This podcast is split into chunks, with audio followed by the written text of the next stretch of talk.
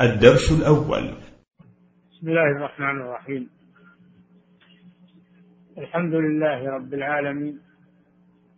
الصلاة والسلام على نبينا محمد وعلى آله وأصحابه أجمعين. ما بعد فإن الإمام البخاري رحمه الله لا يحتاج إلى تعريف فهو إمام المحدثين. جبل الحفظ. وكتابه الجامع الصحيح. أصح كتاب في الإسلام بعد كتاب الله سبحانه وتعالى. قد بوبه وقد وقد وضعه على كتب وأبواب مفصلة. تراجم لكل باب مما يوضح للقارئ فقه الأحاديث فهو من فقهاء المحدثين بل هو إمامهم. من ذلك ما نحن بصدده وهو كتاب الإيمان من صحيح البخاري. لا شك أن الإيمان هو أصل الدين. الإيمان هو أصل الدين. الإيمان والإسلام. وهما يجتمعان. الإيمان والإسلام شيء واحد. ولكن من جهة التفصيل الإيمان له أركان خاصة والإسلام له أركان خاصة. والإيمان يكون في القلب. والإسلام يكون في الأعمال الظاهرة. الإيمان يكون في أعمال القلوب ويتبعها أعمال الجوارح. يتبعها الإسلام. وأما الإسلام فهو الأعمال الظاهرة. قد يكون الإنسان مؤمنا مسلما وقد يكون مسلما فقط وهو المنافق الذي استسلم في الظاهر وانقاد في الظاهر. هذا يقال له مسلم ولا يقال له مؤمن. وأما من كان فيه إسلام وإيمان فهذا هو المسلم والمؤمن حقا. فلا يكفي إسلام بدون إيمان ولا يكفي إيمان بدون إسلام. لا بد من الأعمال الظاهرة والباطنة. والإيمان يتفاوت. منه إيمان قوي إيمان كامل. منه إيمان ضعيف. ومنه إيمان بين ذلك.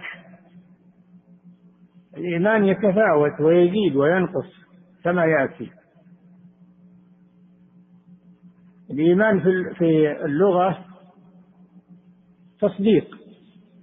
هذا في اللغة. الإيمان في اللغة التصديق.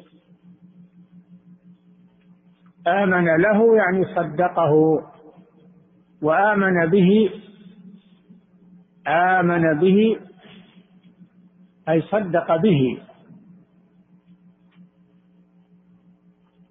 صدق به. ولكن الإيمان في الشرع الإيمان في الشرع لا يقتصر على التصديق. الإيمان في الشرع هو قول باللسان واعتقاد بالقلب وعمل بالجوارح. لا بد من هذه الأمور الثلاثة. ليس مجرد التصديق بل هو تصديق معه أعمال. باللسان وأعمال بالقلب وأعمال بالجوارح فيكون إيمانا صحيحا. أما الإيمان اللغوي فهذا لا ينفع صاحبه. فهناك الإيمان اللغوي وهناك الإيمان الشرعي الذي معنا. أما الإيمان اللغوي فيوجد عند المسلم وعند الكافر وعند كل في قرارة نفسه وقلبه يؤمن بالله الخالق الرازق المحيي المميت. ولكن ليس مع إيمانه بالقلب ليس معه عمل. وكذلك الإيمان ليس هو العمل فقط بدون تصديق بالقلب. لا بد إذا من ارتباط الإسلام بالإيمان. قول باللسان واعتقاد بالقلب وعمل بالجوارح. فالإيمان باللسان فقط دون الإيمان بالقلب هذا إيمان المنافقين. الإيمان باللسان فقط. الإيمان باللسان فقط هذا إيمان المنافقين. يسمى إسلاما ما يسمى إيمان. الذي يقول إن الإيمان هو القول باللسان هذا خطأ. وهو مذهب الكرامية. المنافقون يقولون بألسنتهم ما ليس في قلوبهم كما ذكر الله عنه وليس الإيمان في القلب فقط. كما يقوله الأشاعرة والماتريدية ليس الإيمان بالقلب هو التصديق بالقلب فقط بدون نطق وبدون أعمال. هذا قول الأشاعرة ومن ومن سار في في كاذب. وليس الإيمان هو القول باللسان والاعتقاد بالقلب فقط كما تقوله المرجئة بل لابد من العمل. قول باللسان واعتقاد بالقلب وعمل بالجوارح. لابد من الأمور الثلاثة. قول باللسان والاعتقاد بالقلب والعمل بالجوارح. ثم الإيمان يزيد وينقص. ليس الناس على حد سواء. منهم المؤمن قوي الإيمان ومنهم المؤمن ناقص الإيمان ومنهم المؤمن فيما بين ذلك بين النقصان والكمال. يتفاوتون في هذا حسب ما يعطيهم الله سبحانه وتعالى من الأقوال والأفعال والأعمال الصالحة. يتفاوتون في هذا. نعم. بسم الله الرحمن الرحيم. الحمد لله رب العالمين. وصلى الله وسلم وبارك على نبينا محمد وعلى آله وصحبه أجمعين أما بعد. وبالسند إلى الإمام البخاري رحمه الله تعالى قال بسم الله الرحمن الرحيم كتاب الإيمان. باب الإيمان وقول النبي صلى الله عليه وسلم بني الإسلام على خمس وهو قول وفعل ويزيد وينقص. قال الله تعالى وهذا قول الإمام البخاري وهو قول أئمة الإسلام قاطبة. هو قول وفعل واعتقاد. فعل يعني عمل. قول وفعل أي عمل واعتقاد. القول يكون باللسان والاعتقاد يكون بالقلب والعمل يكون بالجوارح يعني بالأعضاء ظاهرا. هذا هو الإيمان عند أهل السنة والجماعة. أيضا الإيمان يزيد وينقص خلافا لمن قال الإيمان شيء واحد لا يزيد ولا ينقص. قول المرجئة لا الإيمان يزيد وينقص. قال الله جل وعلا وإذا ما أنزلت سورة وإذا ما أنزلت سورة نظر بعضهم إلى بعض. وإذا ما أنزلت سورة فمنهم من يقول يعني يقول بعضهم لبعض فمنهم من يقول أيكم زادته هذه إيمانا؟ دل على أن الإيمان يزيد. قال تعالى ويزيد الله الذين اهتدوا هدى. وقال سبحانه وتعالى إنما المؤمنون الذين إذا ذكر الله وجلت قلوبهم وإذا تليت عليهم آياته زادتهم إيمانا. وعلى ربهم يتوكلون. هذه تدل على أن الإيمان يزيد كما أن الإيمان ينقص عند بعض الناس حتى لا يبقى منه إلا مثقال ذرة. كما قال صلى الله عليه وسلم من رأى منكم منكرا فليغيره بيده فإن لم يستطع فبلسانه فإن لم يستطع فبقلبه وذلك أضعف الإيمان. فدل على أن الإيمان ينقص. وفي رواية وليس وراء ذلك من الإيمان؟ حبة خردل دل على أن الإيمان ينقص حتى يكون كحبة الخردل هذه آخر شيء. ليس وراءها إيمان. ليس وراءها إيمان. قال صلى الله عليه وسلم الإيمان بضع أو بضع وستون بضع وسبعون أو بضع وستون شعبة. أعلاها قول لا إله إلا الله وأدناها إماطة الأذى عن الطريق والحياء شعبة من الإيمان. فدل على أن الإيمان له أعلى وله وله أدنى. له أعلى وله أدنى. هذا مذهب أهل السنة مبني على هذه الأدلة. على أن الإيمان يزيد وينقص. والناس ليسوا على حد سواء في الإيمان. نعم. قال الله تعالى ليزدادوا إيمانا مع إيمانهم. والذي أنزل السكينة في قلوب المؤمنين ليزدادوا إيمانا مع إيمانهم. هذه من أدلة أهل السنة على أن الإيمان يزيد. على أن الإيمان يزيد مع نزول الآيات ومع نزول السكينة. فأما الذين آمنوا فزادتهم إيمانا وهم يستبشرون. نعم. وقال تعالى وزدناهم هدى. وقال تعالى إنهم فتية آمنوا بربهم. إنهم فتية آمنوا بربهم. وزدناهم هدى. زدناهم هدى. فدل على أن الإيمان لأن الهدى هو الإيمان. دل على أن الإيمان يزيد. نعم. وقال تعالى ويزيد الله الذين اهتدوا هدى. ويزيد الله الذين اهتدوا هدى. هذا أيضا من أدلة زيادة الإيمان. لأن الهدى هو الإيمان. نعم. وقال تعالى والذين اهتدوا زادهم هدى وآتاهم تقواهم.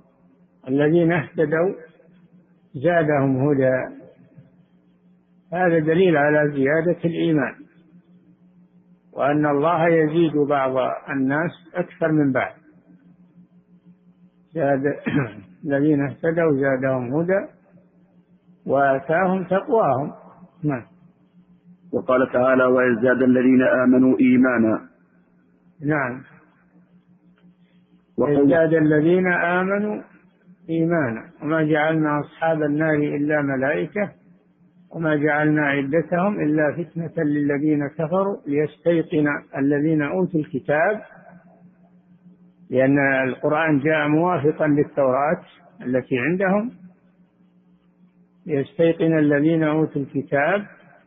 ويزداد الذين آمنوا إيمانا. فدل على أن الإيمان يزداد. نعم. وقوله أيكم زادته هذه إيمانا فأما الذين آمنوا فزادتهم إيمانا. وإذا ما أنزلت سورة فمنهم من يقول أي المنافقون منهم من يقول أيكم زادته هذه إيمانا. فأما الذين آمنوا فزادتهم إيمانا وهم يستبشرون. وأما الذين في قلوبهم مرض وهم المنافقون فزادتهم رجسا إلى رجسهم وماتوا وهم كافرون. نسأل الله العافية. الشاهد في قوله فأما الذين آمنوا فزادتهم إيمانا. أيكم زادته هذه إيمانا؟ فأما الذين آمنوا فزادتهم إيمانا. فدل على أن الإيمان يزيد مع نزول القرآن ومع سماع القرآن. نعم. وقوله جل ذكره فاخشوهم فزادهم إيمانا.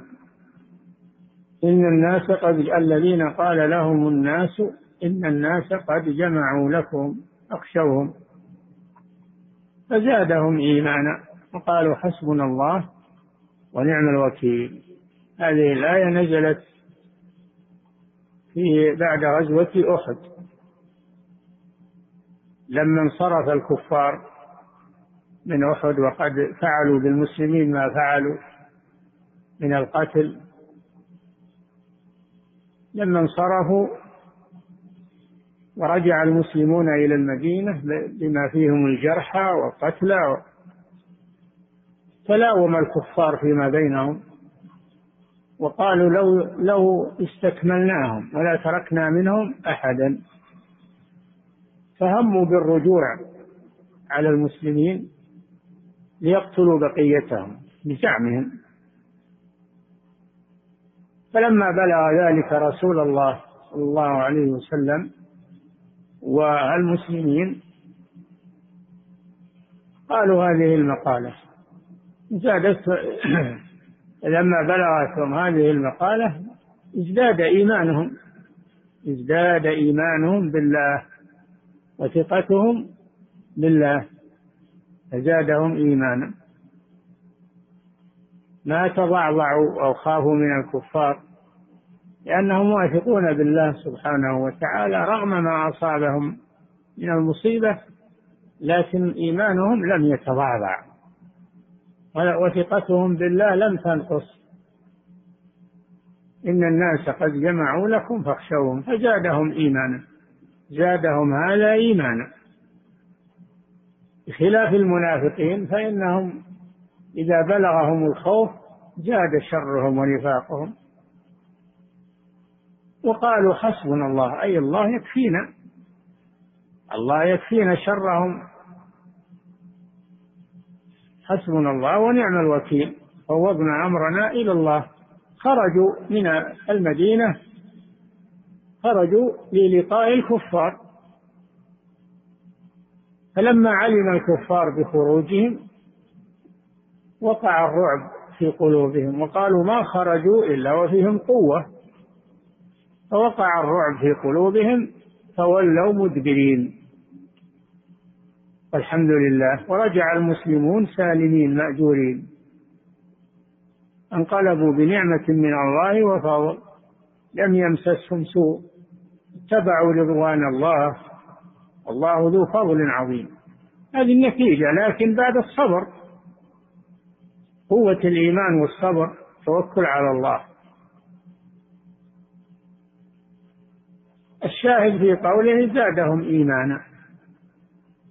قالوا حسبنا الله زادهم هذا الخبر هذا الخبر المرهب المخيف ما زادهم إلا إيمان. ما ضعضعهم أو خوفهم أو لأنهم مؤمنون بالله متوكلون على الله جل وعلا. هذا محل الشاهد من الآية. زادهم إيمانا نعم. وقوله تعالى وما زادهم دليل على أن الإيمان يزيد. نعم. وقوله تعالى وما زادهم إلا إيمانا وتسليما. نعم. ولما رأى المؤمنون الأحزاب هذه في غزوة الأحزاب الذين تجمعوا من القبائل وغزوا رسول الله صلى الله عليه وسلم والمسلمين في المدينة وعسكروا حول المدينة أرادوا دخولها ولكن الله وفق رسوله والمؤمنين إلى حفر الخندق. حول المدينة فلم يستطيعوا. تسمى غزوة الأحزاب وتسمى غزوة الخندق. لم يستطيعوا دخول المدينة. هذه الخطة المباركة. وهي حفر الخندق حول المدينة. لكن أصاب المسلمين شدة.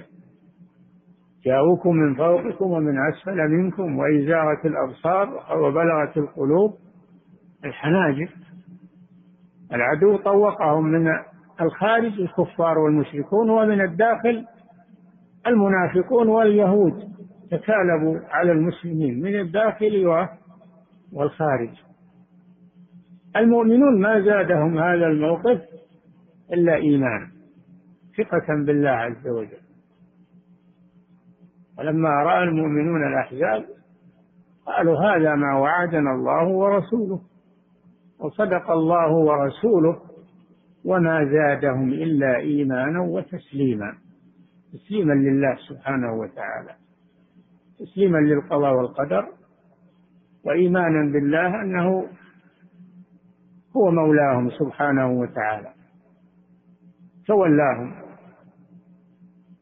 يعتمدون عليه يوكلون عليه. الشاعر في قوله ما زادهم إلا إيمانا ما زادهم هذا الموقف الرهيب إلا إيمانا فدل على أن الإيمان يزيد لا سيما عند المواقف الصعبة والمواقف الشديدة. المنافق ينهار عند المواقف الشديدة. أما المؤمن فإنه يقوى إيمانه ويقينه بالله عز وجل تشتد عزيمته. لأنه يعرف ويؤمن بتدابير الله وقضائه وقدره. فهو واثق بالله سبحانه وتعالى. نعم. والحب في الله والبغض في الله من الإيمان.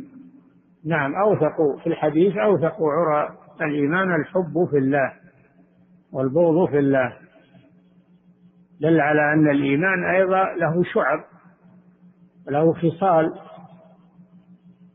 ومن خصاله وشعبه. هذه الخصلة العظيمة. الحب في الله. أن تحب المؤمنين. تحب إخوانك المؤمنين. في الله. لا من أجل مال أو من أجل طمع أو من أجل قرابة أو نسب. إنما تحبهم في الله. هذه محبة الإيمان. وكذلك تبغض الكفار. تبغض أعداء الله لأن الله يبغضهم. تكرههم لأن الله يكرههم. هل تكرههم من أجل أنهم ما أعطوك مالا أو تكرههم لأنهم ضروك في دنياك؟ لا تكرههم في الله. من أجل الله سبحانه وتعالى لأنهم أعداء الله. لا تتخذوا عدوي وعدوكم أولياء. لا تتخذوا عدوي وعدوكم أولياء. تلقون إليهم بالمودة. قد كفروا بما جاءكم من الحق. يخرجون الرسول وإياكم أن تؤمنوا بالله ربكم. كنتم خرجتم جهادا في سبيلي وابتغاء مرضاتي تسرون إليهم بالمودة. أنا أعلم بما أخفيتم وما أعلنتم. ومن يفعله منكم فقد ضل سواء السبيل. فمن أحب الكفار فقد ضل سواء السبيل. ومن أبغض الكفار لله ما هو من أجل الدنيا؟ بل أبغضهم لله لأن الله يبغضهم. يعاديهم لأن الله عدوهم. إن الله عدو للكافرين من أجل الله سبحانه وتعالى. هذا هو المؤمن.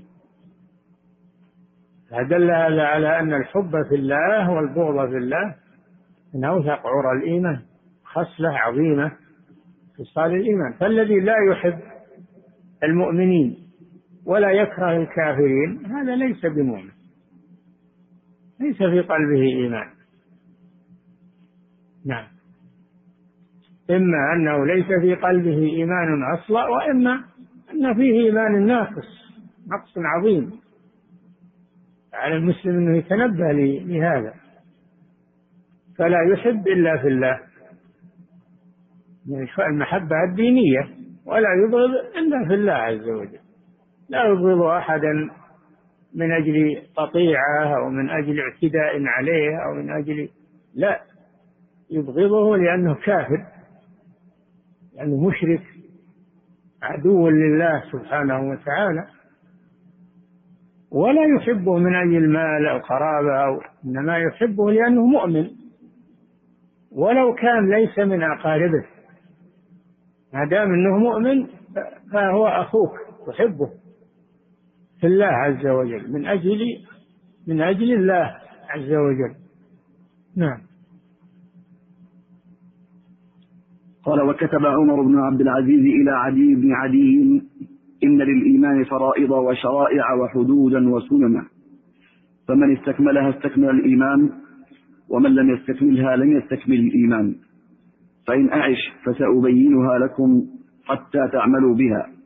وإن أمت فما أنا على صحبتكم بحريص. هذا أمير المؤمنين عمر بن عبد العزيز بن مروان. الأموي رحمه الله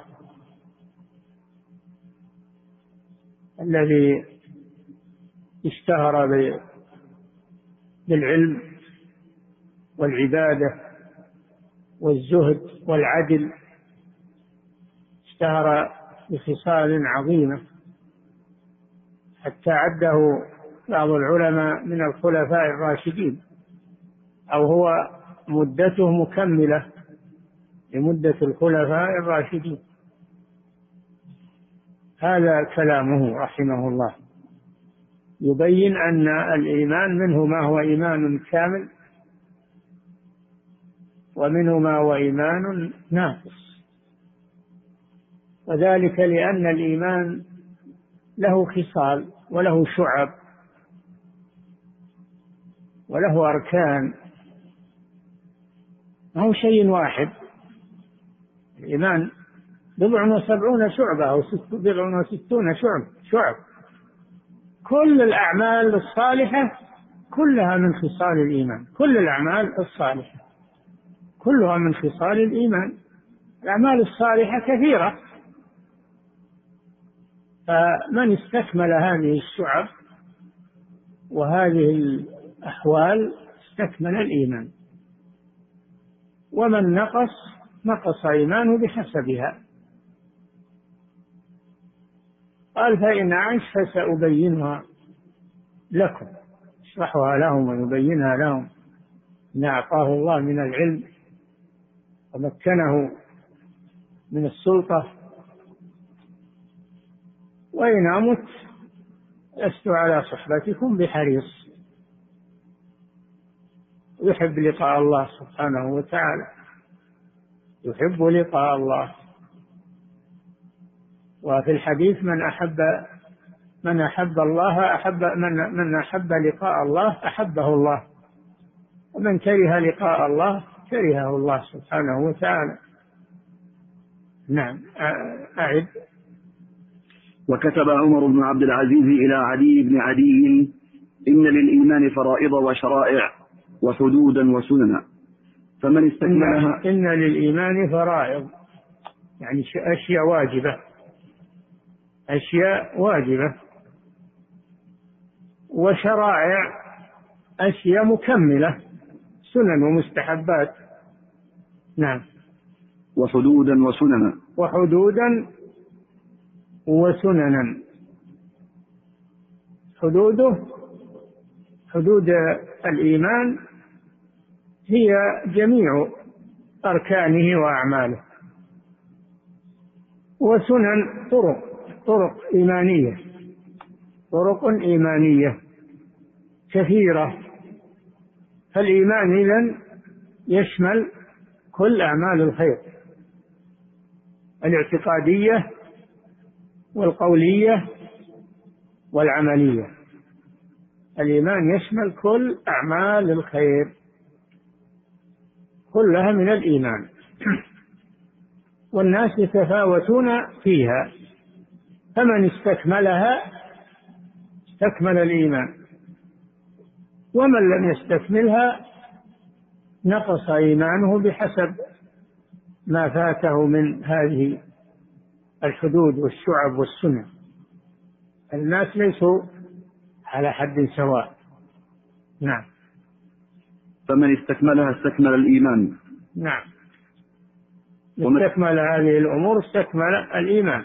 لكن هذا صعب لا يحصل إلا للأفراد من الناس. نعم. ومن لم يستكملها لم يستكمل الإيمان. لم يستكمل الإيمان. شوف ما قال يكفر يقول لم يستكمل الإيمان. يعني يكون إيمانه غير كامل عنده نقص. لم يقل إنه يكفر كما تقوله الخوارج فهناك فرق بين الكفر ونقصان الإيمان. فرق تنبهوا لهذا. نعم. فإن أعش فسأبينها لكم حتى تعملوا بها. هذا دليل على أن أنه يجب على العالم أن يبين هذا دليل على أنه يجب على العالم أن يبين للناس لا سيما أمور العقيدة. يبين أمور العقيدة أهم شيء. ثم بعدها بقية شرائع الإسلام. لكن يبدأ بالعقيدة يبينها للناس. هذا عمر بن عبد العزيز يقول إن أعش إن كتب الله لي أجلا طويلا أبين لكم. هذه الشعب وهذه الحدود والسنن فدل على أن العالم يجب عليه أن يبين للناس أمور دينهم ولا سيما أمور العقيدة التي هي الأصل. نعم. وإن أمت فما أنا على صحبتكم بحريص. وإن أمت يعني كتب الله علي الموت قبل أن أبين فأنا راض بقضاء الله وقدره والمؤمن يفرح يفرح بلقاء الله ليسلم من الفتن. يفرح بلقاء الله وبالموت من أجل أن يسلم من الفتن لأن الحي معرض للفتن. فهو يخاف من الفتن. نعم. وقال إبراهيم عليه السلام ولكن ليطمئن قلبي. إبراهيم عليه السلام الخليل. هو أكمل الناس الناس إيمانا. ومع هذا طلب الزيادة. طلب الزيادة. قال رب أرني كيف تحيي الموتى. أرني عيانا. لأن المعاين ليس كالمخبر هو عنده إيمان بموجب الأخبار الصادقة التي نزلت عليه من الله. هو مؤمن. هو مؤمن بالأخبار الصادقة ويريد المعاينة. ما راء كمن سمع يريد المعاينة ويؤمن أن الله يحيي الموتى. ما عنده شك في هذا. ولكن يريد المعاينة حتى يزيد إيمانه. ينتقل من علم اليقين إلى عين اليقين. شوف. هو عنده علم اليقين. يريد أن يرتقي إلى عين اليقين. أعلى شيء عين اليقين. قال بلى. قال أولم تؤمن؟ قال بلى. هو مؤمن علم اليقين. ولكن ليطمئن قلبي هذا عين اليقين. أن يفيد اليقين الخالص. فهو طلب المزيد. إذا كان إبراهيم عليه السلام طلب المزيد لإيمانه فكيف بنا؟ نحن أحوج بطلب زيادة الإيمان ولم يزكي نفسه عليه الصلاة والسلام. ولا المؤمن لا يزكي نفسه ويقول أنا بلغت مبلغ يكفي. لا يطلب من الله الزيادة. يقول ربي ربي زدني علما.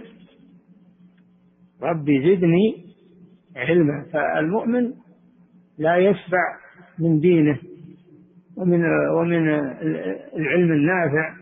دائما يطلب الزيادة. قال الله جل وعلا وما أوتيتم من العلم إلا قليلا. قال تعالى وفوق كل ذي علم عليم. فلا يدعي المؤمن لا يدعي الكمال. يعتبر أنه بحاجة إلى زيادة العلم وإلى زيادة الإيمان وإلى زيادة العمل. هذا هو المؤمن. نعم. وقال معاذ رضي الله عنه اجلس بنا نؤمن ساعة. قال معاذ رضي الله عنه لأحد الصحابة اجلس بنا نؤمن ساعة. ما هم مؤمنون من قبل؟ قصده نؤمن يكمل إيماننا. نزداد إيمانا بهذه الجلسة والمذاكرة. يذاكرون العلم يذكرون الله سبحانه وتعالى. وهم يجلسون يسولفون ولا يغتابون الناس ولا ينمون. يجلسون يذكرون الله. يذكرون الله جل وعلا بطلب العلم والزيادة من العلم والذكر والتسبيح والتهليل والتكبير هذا معنى قوله نؤمن ساعة أي يزداد إيماننا بالله عز وجل لما نتدارسه في مجلسنا. فمجالس الخير لاحظوا مجالس الخير ومجالس العلم ومجالس الصالحين تزيد الإيمان. ومجالس الغفلة واللهو والقيل والقال تنقص الإيمان. نعم. وقال ابن مسعود رضي الله عنه اليقين الإيمان كله. قال ابن مسعود هذه أقوال الصحابة؟ قول معاذ قال ابن مسعود اليقين هو الإيمان كله يعني من وصل إلى اليقين قد استكمل الإيمان. لأن ما كل مؤمن يكون عنده اليقين الكامل يكون عنده نقص لكن إذا بلغ اليقين فقد استكمل الإيمان. نعم. وقال ابن عمر رضي الله تعالى عنهما لا يبلغ العبد حقيقة التقوى حتى يدع ما حاك في الصدر. لا قال. لا يبلغ العبد قال وقال ابن عمر نعم. رضي الله عنهما لا يبلغ العبد حقيقة التقوى حتى يدع ما حاك في الصدر. نعم لا يبلغ المؤمن حقيقة التقوى حتى يترك ما حاك في الصدر. هذا كلام ابن عمر. البخاري رحمه الله يسوق من أقوال الصحابة صحابة الرسول صلى الله عليه وسلم. لا يبلغ المؤمن حقيقة التقوى أي نهايتها وكمالها حتى يدع ما حاك في صدره من الشكوك والأوهام وسوء الظن ويعتمد على الله. ويحسن الظن بالله عز وجل ويحسن الظن بالمؤمنين ويحسن الظن بوعد الله. فلا يكون في صدره شكوك أو أوهام أو تحسس في دينه. إنما يكون متيقنا حق اليقين في عقيدته في دينه فيما بينه وبين الله فيما بينه وبين إخوانه المسلمين. هذا هو المؤمن. الذي عنده شكوك أو أوهام أو سوء ظن هذا ينقص إيمانه بحسب ما عنده. الإنسان المؤمن لا يندفع مع الشكوك. المؤمن لا يندفع مع الشكوك والأوهام خطرات القلب بل يكون ثابتا. فإذا جاءته خاطرة سيئة أو أو وهم رفضه وتركه ولم يلتفت إليه. وإلا الناس يجيهم أوهام ما شك الإنسان بشر. يجيه أوهام الإنسان. يجيه شكوك يجيه وساوس من الشيطان فالمؤمن يرفضها يتركها ولا يتكلم بها. هذه لا تضره. أما إذا اندفع معها وتفاعل معها ضرته نقصت إيمانه قد تخرجه من الإيمان في النهاية. فعلى المسلم أن يكون مطمئن القلب.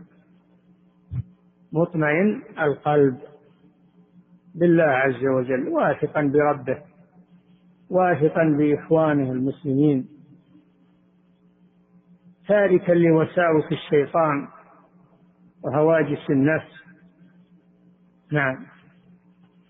وقال مجاهد رحمه الله شرع لكم أوصيناك يا محمد وإياه دينا واحدا. نعم. وقال وقال مجاهد شرع لكم أوصيناك يا محمد وإياه دينا واحدا. وقال مجاهد يعني مجاهد بن جبر إمام التابعين من تلاميذ عبد الله بن عباس رضي الله عنهما لما ذكر نموذجا من أقوال الصحابة انتقل إلى ذكر نموذج من أقوال التابعين قال مجاهد شرع لكم أوصيناك يا محمد وإياه دينا واحدا. إياه؟ نعم. كأنه يشير إلى قوله تعالى شرع لكم من الدين ما وصى به نوحا والذي أوحينا إليك وما وصينا به إبراهيم وموسى وعيسى أن أقيموا الدين ولا تتفرقوا فيه. شرع لكم من الدين. الله جل وعلا شرع لكم أيها المسلمون من الدين. ما وصى به نوحا عليه السلام أول الرسل. وما وصينا به إبراهيم وموسى وعيسى. خص هؤلاء لأنهم أولو العزم. خمسة. هؤلاء هم أولو العزم الخمسة من الرسل. أصبر كما صبر أولو العزم من الرسل. وهم أفضل الرسل. لقد أخذنا من النبيين ميثاقهم ومنك ومن نوح وإبراهيم وموسى وعيسى ابن مريم. خص هؤلاء لأنهم أولو العزم من الرسل. الله شرع لنا دين هؤلاء. فعقيدة الرسل واحدة وهي التوحيد. عبادة الله وحده لا شريك له. هذه عقيدة واحدة. لا تختلف باختلاف الرسل كلهم يدعون إليها. دعوة إلى التوحيد والنهي عن الشرك. هذا دين الرسل جميعا. أما الشرائع فهي تختلف حسب حاجة الناس في كل وقت. لكل جعلنا منكم شرعة ومنهاجا. الشرائع اللي هي الأوامر والنواهي والحلال والحرام هذه تختلف اختلاف الأمم حاجة الأمم. إذا انتهت شريعة جاءت شريعة أخرى تنسخها. حتى ختمت الشرائع بشريعة محمد صلى الله عليه وسلم. فلم تنسخ إلى أن تقوم الساعة. فأما في العقيدة الرسل كلهم عقيدتهم واحدة وهي التوحيد. راد الله تعالى بالعبادة ترك عبادة ما سواه وهذا هو الذي شرعه الله للرسل جميعا. وما أرسلنا من قبلك من رسول إلا نوحي إليه أنه لا إله إلا أنا فاعبدون. وأخصهم هؤلاء الخمسة. نوح وإبراهيم وموسى وعيسى ومحمد عليهم الصلاة والسلام. هؤلاء هم خواص الرسل. والله شرع لنا ما شرع لهم في التوحيد والعبادة. نعم. وقال ابن عباس رضي الله عنهما. الشاهد من هذا الإيمان أن الإيمان هو دين هؤلاء الرسل. نعم. وقال ابن عباس رضي الله عنهما شرعة ومنهاجا سبيلا وسنة. نعم لكل جعلنا منكم شرعة ومنهاجا. هذا في هذا في الأوامر والنواهي والأحكام. وما يحتاجه الناس في معاملاتهم وفي أخلاقهم وفي هذا هذه شرائع تختلف باختلاف الأمم. والله يشرع لكل أمة ما يناسبها في وقتها ثم ينسخها بشريعة نبي آخر. إلى أن جاءت شريعة محمد صلى الله عليه وسلم فختمت الشرائع واستقرت إلى يوم القيامة. هذه هي الشريعة والمنهاج التي تختلف باختلاف الأحوال. أما العقيدة فلا عقيدة واحدة. منذ خلق الله آدم عليه السلام إلى آخر الدنيا. توحيد الله عز وجل بما شرع. توحيده بما شرع. فالمسلم كل من عبد الله بشريعة نبي من الأنبياء في وقته في وقته فهو مسلم. قبل أن تنسخ أما إذا نسخت انتهت. ويكون العمل بالشريعة التي نسختها. هذا هو هذا هو دين الأنبياء عليهم الصلاة والسلام. فكل من عبد الله مخلصا له الدين على موجب شريعة من شرائع الأنبياء في وقته فهو مسلم. مسلم منقاد لله عز وجل. إلى أن جاء محمد صلى الله عليه وسلم فصارت الشريعة هي شريعة الإسلام والمسلم هو من اتبع محمدا صلى الله عليه وسلم. وانتهت الشرائع السابقة نسخت أدت مهمتها في وقتها وانتهت. ينتقل العالم إلى شريعة محمد صلى الله عليه وسلم. نعم. قال باب دعاؤكم إيمانكم. نعم. باب دعاؤكم إيمانكم. قال البخاري يعني.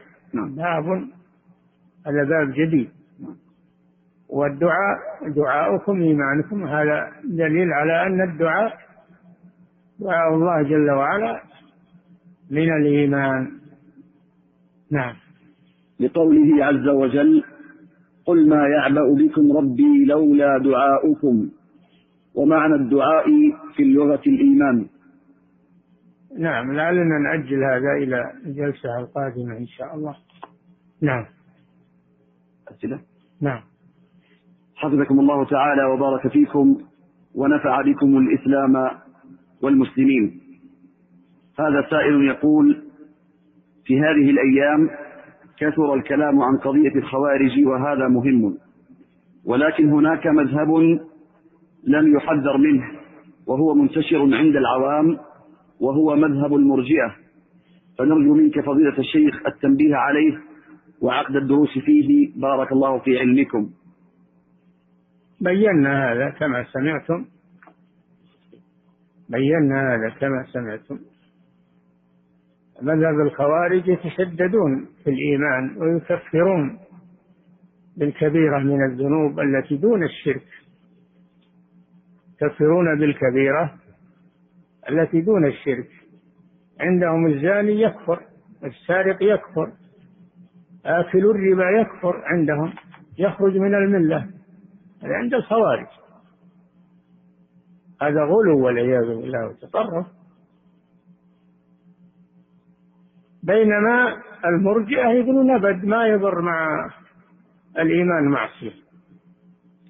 هذا لا عندهم المعاصي لا تنقص الإيمان عندهم. الإيمان كامل عندهم ولو زنى ولو سرق ولو ما ينقص إيمانه. مؤمن كامل الإيمان لأنهم لا يدخلون الأعمال في الإيمان. هذه نتيجة عدم إدخالهم الأعمال في الإيمان. يقولون ما يضر مع الإيمان معصية. كما لا ينفع مع الكفر طاعة. لا ينفع مع الكفر طاعة صحيح لكن لا يضر مع الإيمان. معصية؟ ما هو صحيح. المعصية تضر تنقص الإيمان نقصا ظاهرا. لا يزني الزاني حين يزني وهو مؤمن ولا يسرق السارق حين يسرق وهو مؤمن. آه، يعني مؤمن كامل الإيمان. المعاصي تنقص الإيمان. ولا تبطله تنقصه خلافا للمرجئة ولا تبطله خلافا للخوارج. هذا مذهب أهل السنة والجماعة. أن المعاصي إذا كانت كفرا أو شركا أكبر فهي تبطل الإيمان. وإن كانت دون الكفر ودون الشرك فهي تنقص الإيمان. ولا تبطله تنقصه خلافا للمرجئة ولا تبطله خلافا للخوارج. قال تعالى إن الله لا يغفر أن يشرك به ويغفر ما دون ذلك. ما دون إيش؟ ما دون الشرك. واللي دون الشرك سائر المعاصي حتى الزنا والسرقة وشرب الخمر دون الشرك. ويغفر ما دون ذلك لمن يشاء. فالمرتكب للكبيرة عند أهل السنة والجماعة معرض للوعيد ولكنه مؤمن ناقص الإيمان. معرض للوعيد. إن شاء الله غفر له وإن شاء عذبه لكن لا يخلد في النار. لا يخلد في النار. إن شاء الله عذبه خلافا للمرجئة لكن لا يخلد في النار خلافا للخوارج. هذا مذهب أهل السنة والجماعة وهو الوسط بين مذهب الغلاة ومذهب الجفاة.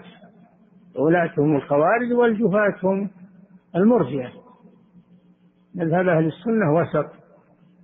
في ذلك مبني على الكتاب والسنة على الأدلة الصحيحة الصريحة في هذا. ينبغي يعرف هذا.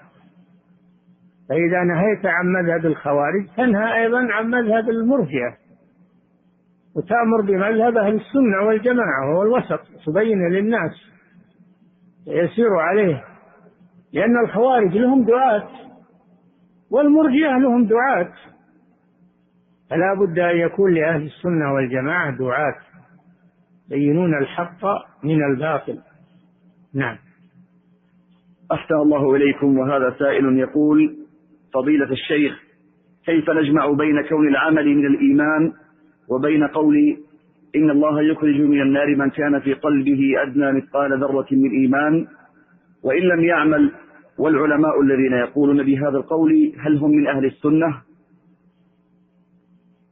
أنت أجبت في سؤالك تقول يخرج من النار من في قلبه أدنى مثقال حبة من خردل من إيمان هذا مؤمن هذا مؤمن لكنه ضعيف ضعيف الإيمان. مؤمن ضعيف الإيمان. عذبه الله في النار ثم أخرجه منها. هذا ما فيه إشكال الحديث هذا ما فيه إشكال. وهذا يشهد لنا أن المؤمن يكون ناقص الإيمان وأنه يستحق العذاب إلا إن شاء الله غفر له. نعم. أحسن الله إليكم وهذا سائل يقول هل يشرع للمسلم المستقيم أن يجالس ويواد وينبسط لأهل المعاصي ومن وقع في بدع غير مكفرة في غير وقت تلبسهم بهذه المعاصي أم يلزم عليه هجرهم على كل الأحوال إلا أن ينكر عليهم حين لقائهم عرضا دون قصدا أرجو التفصيل إن أمكن بارك الله فيكم. الجواب في هذا أن مخالطة العصاة والمشركين والكفار المنافقين فيها تفصيل. إذا كان يخالطهم لأجل الدعوة إلى الله ونصيحتهم والبيان لعلهم يتوبون لعلهم يرجعون فهذا مأمور به للدعوة إلى الله. أما مخالطتهم من أجل الإنس بهم وانشراح الصدر معهم ولا ينكر عليهم ولا ينهاهم هذا لا يجوز. هذه طريقة بني إسرائيل الذين لعنهم الله. لعن الذين كفروا من بني إسرائيل على لسان داود وعيسى بن مريم ذلك بما عصوا وكانوا يعتدون. كانوا لا يتناهون. شوف كانوا لا يتناهون عن منكر فعلوه. هذا هو السبب. لا يكون الإنسان سلبي مع الناس. إذا رأى معاصي من رأى منكم منكرا فليغيره بيده. إن لم يستطع فبلسانه. فإن لم يستطع فبقلبه. وإذا أنكرت بقلبك لا تجالسهم ابتعد عنهم. فإذا جالستهم فأنت لم تنكر بقلبك. الحاصل أن مخالطة العصاة وغيرهم من أهل المخالفات فيها تفصيل. من كان في مخالطته مصلحة دينية بأن ينصحه ويبين له ويدعوه إلى الله هذا واجب. أما من يسالمهم ويؤكلهم ويشاربهم وينبسط معهم فهذا ما ملعون. على لسان آه، عيسى على لسان داود وعيسى بن مريم ومحمد صلى الله عليه وسلم. قال صلى الله عليه وسلم كلا والله لتأمرن بالمعروف ولتنهون عن المنكر ولتأخذن على يد السبيل ولتأطرنه على الحق أطراء أو ليضربن الله قلوب بعضكم ببعض ثم يلعنكم كما لعنهم. ثم يلعنكم كما لعنهم. نعم. أحسن الله إليكم. وهذا سائل يقول لا بد من التنبيه أن الدعوة إلى الله ودعوة العصاة والمشركين والكفار لا بد لها من العلم. أما الجاهل فلا يصلح يخالطهم لأن ما عنده علم يبين وينصح أو يمكن يدعو إلى الله على جهل يزيدهم شر. فلا بد يكون عند الإنسان علم بحيث يستطيع يأمر على بصيرة وينهى على بصيرة ويعلم ويدعو إلى الله على بصيرة. تنبهوا لهذا. اللي ما عنده علم لا يدخل هالميدان هذا. يبعد. نعم. أحسن الله إليكم. وهذا سائل يقول في الحديث وليس وراء ذلك مقدار حبة خردل من إيمان. معناه أن الذي ينكر أن الذي لا ينكر المنكر لا يكون في قلبه إيمان؟ الذي لا ينكر المنكر بقلبه. آخر شيء الإنكار بالقلب. فالذي لا ينكر بقلبه معناه موافق. أهل المعاصي يكون مثلهم. نعم. أحسن الله إليكم. وهذا سائل يقول هل هذا حديث؟ قوله نحن أحق بالشك من إبراهيم وما هو شرحه. نعم هذا ثابت عن الرسول صلى الله عليه وسلم. يقول نحن ما نكمل أنفسنا. يقول صلى الله عليه وسلم نحن لا نزكي أنفسنا ولا نكمل أنفسنا. لسنا لسنا أولى بالشك من إبراهيم. أي بأن نعتبر أننا بحاجة إلى العلم بحاجة إلى زيادة الإيمان واليقين. نعم. أحسن الله إليكم. وهذا سائل يقول هل في الكفار اليوم أحد من أهل الفترة؟ الله أعلم. اللي ما بلغتهم الدعوة ولا سمعوا القرآن ولا عن بعثة الرسول صلى الله عليه وسلم ما بلغهم شيء هؤلاء يكونوا من أهل الفترة. لكن وين اللي ما بلغتهم الدعوة الآن؟ وين اللي ما سمعوا القرآن؟ وين اللي ما سمعوا الإسلام؟ انتشر الإسلام. انتشر الإسلام في المشارق والمغارب بواسطة الجهاد في سبيل الله ثم بواسطة وسائل الإعلام المعاصرة واختلاط العالم بعضه ببعض تقارب البلدان تقارب الأقطار. ما أحد ما بلغه الإسلام. لكن لو فرض أن هناك من هو منعزل عن العالم لم يبلغه شيء فهذا يكون من أصحاب الفترة. نعم.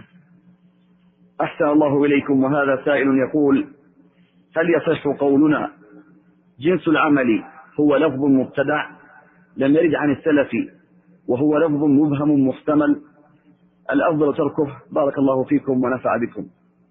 ما عرفنا هذا في كلام علمائنا وعلماء السلف. ما عرفنا تفريق بين جنس العمل وغيره.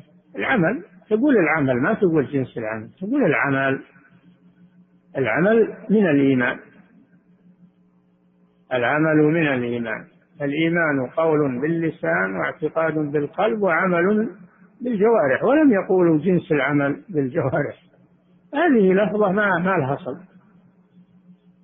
هذه لفظة لا أصل لها ولعلها جاءت من المرجئة. لعلها جاءت من قبل المرجئة. نعم. أحسن الله إليكم وهذا سائل يقول حفظكم الله تعالى ونفعنا بعلمكم. نشكركم كثيرا على حضوركم في مدينة جدة. لنستفيد من علمكم. أثابكم الله بكل خطوة عظيمة الدرجات. السؤال هناك من يطعن في السنة؟ ما انتهى الوقت؟ نختم بهذا السؤال. نعم. أقول هو انتهى الوقت ولا لا؟ باقي شوية هناك من يطعن في السنة وكتب الصحيح نرجو منكم الرد عليهم حتى يتنبه الناس لذلك وجزاكم الله خيرا. الذي يطعن في السنة طعن في الإسلام. الذي يطعن في الإسلام. يطعن في السنة إذا يطعن في القرآن أيضا.